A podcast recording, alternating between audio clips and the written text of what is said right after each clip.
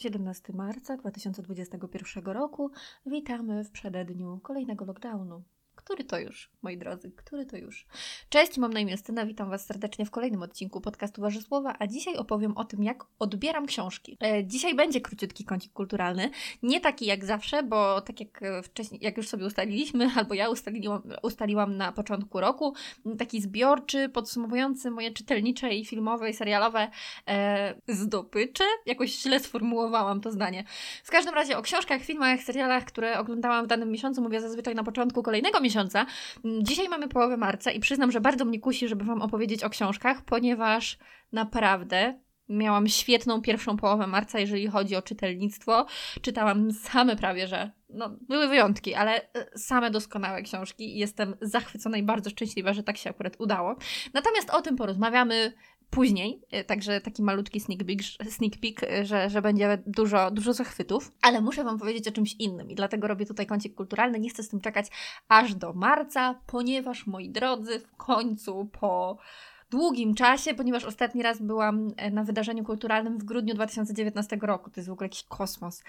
I moi drodzy, w końcu, pierwszy raz od lockdownu pierwszego, teraz już mamy nie wiadomo który, e, byłam na recitalu i jeszcze dodatkowo był to recital Michała Bajora. To miał być w ogóle recital, który miał się odbyć w marcu 2020 roku. To miał być mój prezent na 30 urodziny. No nie udało się i będzie to prezent. Był to prezent na urodziny 31. Nie szkodzi, warto było czekać.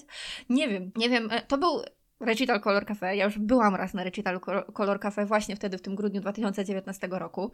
Natomiast teraz nie wiem, być może to tęsknota, być może to jest tęsknota moja, a może to jest tęsknota Michała Bajora za koncertami, ale to, co się działo teraz, to było coś niesamowitego, po prostu niesamowitego. Przede wszystkim to było wiele Górze i tam jest ta sala taka bardziej kameralna, e, no i e, Michał Bajor jest też tylko z pianistą, więc jest to też takie bardziej intymne, bym powiedziała.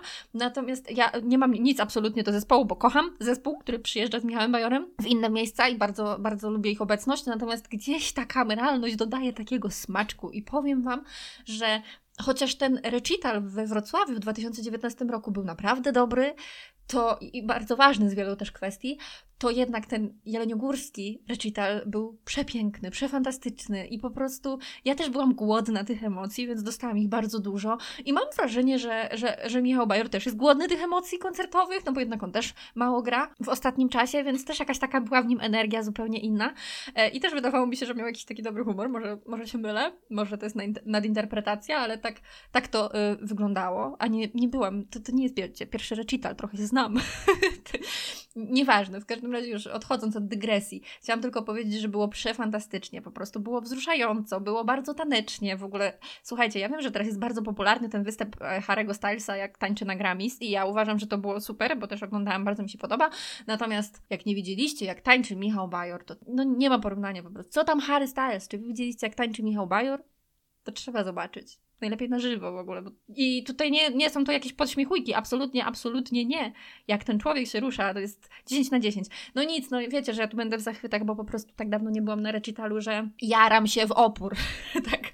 Więc e, no było super, było naprawdę super. Jak e, zapraszam na, na tego mojego drugiego Instagrama, na Justynę Esz, tam sobie troszeczkę e, pobajorowałam, pospamowałam tym koncertem i, i możecie zobaczyć tam też, jak Michał Bajor tańczy, więc zalecam. Boże, po polecam. W każdym razie chciałam powiedzieć, że bardzo, bardzo się dobrze bawiłam i było też przepięknie, tak wzruszająco, te, te, takie, te takie ciężkie, trudne, wzruszające utwory były zaśpiewane tak przepięknie. Nie to, że normalnie nie są, ale to było jakieś takie, nie wiem, takie nagromadzenie w ogóle emocji i bardzo się cieszę, że byłam na tym recitalu i jakoś tak to, być może dlatego, że teraz nie za bardzo chodziłam na takie, na takie rzeczy, bo też nie bardzo y, ruszam się spoza, y, spoza miejscowości, w której żyję na co dzień, ale zgubiłam myśl. Ale mam jakiś taki głód po prostu nasycony, powiem wam. Tak jakby, oczywiście bardzo chętnie, nawet jutro poszłabym na jeszcze jeden recital, ale jakoś tak, nie wiem, wydaje mi się, że, że wytrzymam, że wytrzymam, dam radę. No dobra, ale może przejdźmy do rzeczy, ponieważ bardzo długo już mówię o tym recitalu, to miał być krótki kącik kulturalny, wiadomo. Kiedy opowiadałam Wam o książkach w tamtym miesiącu, a właściwie chyba w tym, to mówiłam o książce Taśmy Rodzinne i wtedy wspomniałam Wam o tym, że dla mnie czytanie książek i emocje, które mi towarzyszą przy czytaniu książek, mm, czasami stają się takie bardzo wyraziste. Na tyle wyraziste, że mają kolor, mają kształt, że po prostu narracja przywodzi mi, przywodzi mi na myśl właśnie albo jakieś kolory, albo kształty. Potrafię na przykład opisać właśnie w swojej głowie, często opisuję książki właśnie kolorami, jakimiś takimi obrazami, kształtami i, i tak wygląda to. Nie wiem, czy to jest y, jakieś takie mm, niespotykane, bo pewnie wielu, wielu z Was ma podobnie, natomiast właściwie nigdy o tym nie mówiłam i chciałabym się z tym podzielić. Też z nikim o tym wcześniej nie rozmawiałam tak w, w prywatnych y, rozmowach. Jakoś nigdy nie pomyślałam, że to może być jakieś e, istotne, ale ostatnio, kiedy próbowałam opisać kilka książek, miałam ochotę opisać je właśnie kolorami e, i jestem ciekawa, jak Wy w ogóle patrzycie na to. E, u mnie jest tak, że kiedy książki są takie leciutkie, takie, mm, które dają mi pełną rozrywkę, które mają w sobie jakiś taki humor, nie wiem, na przykład, e, na przykład ostatnio czytany ten Cud Miód Malina e, Anety Jadowskiej, że się znowu odniosę do tej książki, ale naprawdę była, bardzo mi się podobała. To jest książka, to jest książka, której narracja ma kolor nieba, takiego letniego, czerwcowego, lipcowego nieba, takiego nieba, że wiecie, leżycie sobie na kocyku, czytacie książkę i zerkacie sobie w to niebo raz na jakiś czas. Y, często też, y, co może nie brzmieć zbyt dobrze, ale właśnie dobrze napisany thriller, który, po którym się płynie, też jest dla mnie właśnie taki błękitny, kojarzący się z latem. I, i tak właśnie widzę tę narrację. Czasami jest też y, tak, że widzę tak jakby narrację, jak porównuję narrację do, do jakichś kształtów, do jakichś, do jakichś rzeczy, mm, zjawisk i na przykład tak taśmy rodzinne kojarzyły mi się z szarą, przebrudzoną drogą, z przeszkodami, yy, która później się robiła coraz prostsza i coraz czyściejsza, yy, ale wciąż szara, więc takie miałam y, skojarzenie. Na przykład jak czytam książki Olgi Tokarczuk, yy, to narracja tych książek kojarzy mi się z, takim, z taką zielenią, taką zielenią bardzo uspokajającą, taką y, zielenią wiosennych drzew, takich budzących się do życia, taką polaną, na którą wychodzisz z lasu i ona jest taka pięknie zielona, taka naprawdę prawdziwie mocno pięknie zielona. Tak mi się kojarzy narracja książek, e, narracja książek Olgi Tokarczuk. A z kolei na przykład narracja książek Hanny Kral kojarzy mi się z jakiegoś powodu z granatem. I, I właśnie jak czytam książki Hanny Kral, to tak jakby tło i ta narracja wydaje mi się granatowa. Nie mam pojęcia dlaczego, ale takie jest po prostu moje skojarzenie i nie potrafię e, inaczej. Na przykład e, poezja Haśki kojarzy mi się z różą. I, i często właśnie sobie jakoś tak ją, e, nie wiem nawet jak to powiedzieć, ale po prostu staje się w moich myślach różą, taką czerwoną, piękną, mocno czerwoną różą. Takie mi przynosi skojarzenie poezja Haśki. Niektóre książki mają taką wspaniałą, ciepłą narrację, która otula wszystko takim pomarańczowym światłem złotej godziny.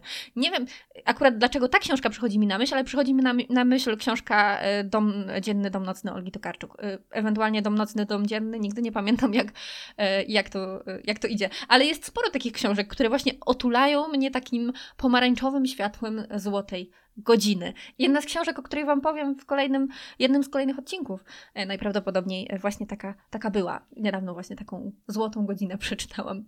I im te kolory są właśnie takie milsze, cieplejsze, tym ja jakoś tak lepiej odbieram tę książkę. Czasami jest tak, że czytam książki, które są bardzo szare, bardzo przybrudzone, ale mimo wszystko mi się podobają. Jednak często jest tak, że kiedy, kiedy właśnie książki kojarzą mi się z brudem, to mi się nie podobają, bo jednak mimo wszystko wolę te ciepłe, ciepłe, miłe barwy. Nawet ten błękit, mimo że sam w sobie jest zimnym kolorem, to e, ten błękit letniego nieba dla mnie jest mimo wszystko czymś, co kojarzy mi się z ciepłem. Na przykład teraz zerkam na półkę i, i akurat przed sobą mam biografię Audrey Hepburn i ta biografia absolutnie kojarzy mi się z różem, takim pudrowym różem. I tak widzę tę narrację. To jest dla mnie pudrowy róż.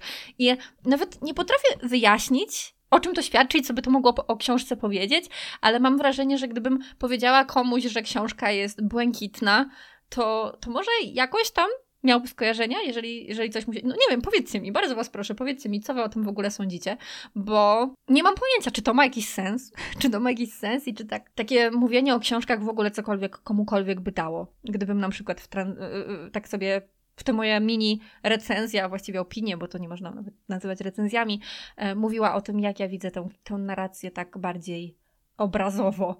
Mm, no i to chyba tyle ile chciałabym powiedzieć na temat narracji. I jeszcze chciałabym podejść do jednego tematu, bo z jednej strony dochodzą mnie takie głosy, że lubicie, jak mówię o książkach i że, e, że no, fajnie, bardzo się cieszę, mm, że lubicie słuchać, jak opowiadam o książkach, chociaż wiecie, jakie to jest opowiadanie, także jestem Wam niesamowicie wdzięczna.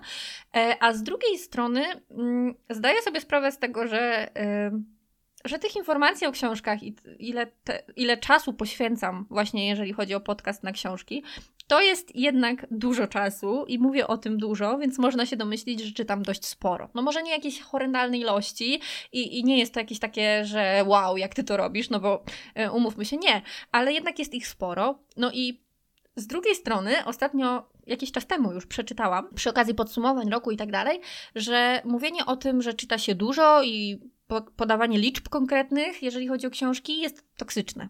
I że wpędza ludzi w jakieś tam poczucie winy, że wpędza ludzi w wyrzuty sumienia, że po prostu dla, dla niektórych to, że my mamy tyle czasu i tak dalej, jest tak jakby. Ja nie mówię tego absolutnie w żadnym e, stopniu jakoś w jakimś ironicznie, czy jakoś, nie wiem, z pretensją. Absolutnie nie, bo Muszę Wam powiedzieć, że jak ja to usłyszałam, to z jednej strony tak sobie pomyślałam, no serio? Naprawdę też tutaj e, wchodzimy na, na te rejestry, ale z drugiej strony, jak sobie o tym pomyślałam, to stwierdziłam, że może być w tym dużo prawdy. Coś, z czego byłam dumna, czyli no, sporo przeczytanych książek, bo dla mnie to też jest duma ze względu na to, że ja jednak jestem uzależniona od ekranów i tak dalej i kiedy znajduję tyle czasu na książki, kiedy znajduję tyle czasu, żeby się zapoznawać z nowymi, to jest też duma ze mnie. Jeżeli ja to sama z siebie po prostu, jeżeli ja widzę dużą liczbę tych książek gdzieś tam w moich, tam prowadzę sobie pamiętniczki, żeby wiedzieć co czytam i, i jak mi się to podobało, to, mm, to, to nawet się cieszę, tak, bo to jest dla mnie poświę czas poświęcony na coś, czemu naprawdę chcę poświęcać czas. Ale z drugiej strony zaczęłam sobie myśleć, że może ja komuś sprawiam tym przykrość, jakkolwiek. No tak, nigdy o tym nie myślałam z tej strony i właśnie dopiero te wpisy pokazały mi, że może rzeczywiście ja e, nie powinnam. I serio, troszeczkę się wstydzę mówić o, o tylu książkach, bo no, czytam sporo w tym roku. Nie da się ukryć. Dużo czasu też poświęcam na audiobooki. Chciałabym znać Waszą opinię, bo właściwie ona jest dla mnie tutaj y, najważniejsza i ja wiem, że ja często mówię napiszcie, napiszcie, a piszą dwie osoby na krzyż, ale teraz bardzo, bardzo Was proszę, jeżeli słyszeć, jesteście tutaj w tej którejś tam minucie i słyszycie to, to napiszcie mi, co Wy o tym myślicie? Co Wy myślicie o czytaniu dużej liczby książek, o, o jakimś tam wspominaniu? Bo wiem, że na przykład w styczniu powiedziałam, że opowiem o 11 książkach i przyznam Wam szczerze, że teraz mi jest głupio, że powiedziałam, że to jest 11 książek i to jest absurdalne, co mówię w tym momencie, ale naprawdę siedzi mi to na bani. I, i chciałabym Wam poznać, e, chciałabym poznać Wasze zdanie, będę wdzięczna za albo komentarz na YouTubie, albo na wiadomość prywatną na Instagramie, e, bo serio chodzi mi to po głowie. I sama nie wiem, co z tym zrobić, czy, czy powinnam tyle gadać o tych książkach, które przeczytałam, czy nie, jak to oddziałuje? I um, no, jestem trochę w kropce, dlatego pytam. Nie to, że chcę się upewnić, yy, że ktoś powiedział jakąś tam bzdurę, bo ja nie uważam, że ten ktoś, kto mówił o tych liczbach, powiedział bzdurę. Absolutnie nie. Tylko chciałabym wiedzieć, jak wy to też widzicie, bo, bo to jest dla mnie istotne w tym przypadku. Także czekam na, na Wasze informacje, na, na Wasze wiadomości, bo że strasznie mi się dzisiaj plącze język. E, no to co, trzymajcie się zdrowo, ponieważ wchodzimy w 158 lockdown e, i trzecią falę, jeżeli to tak można w ogóle powiedzieć, bo dla mnie to jest cały czas pierwsza fala. Mm, także trzymajcie się i bądźcie zdrowi. Do usłyszenia. Pa!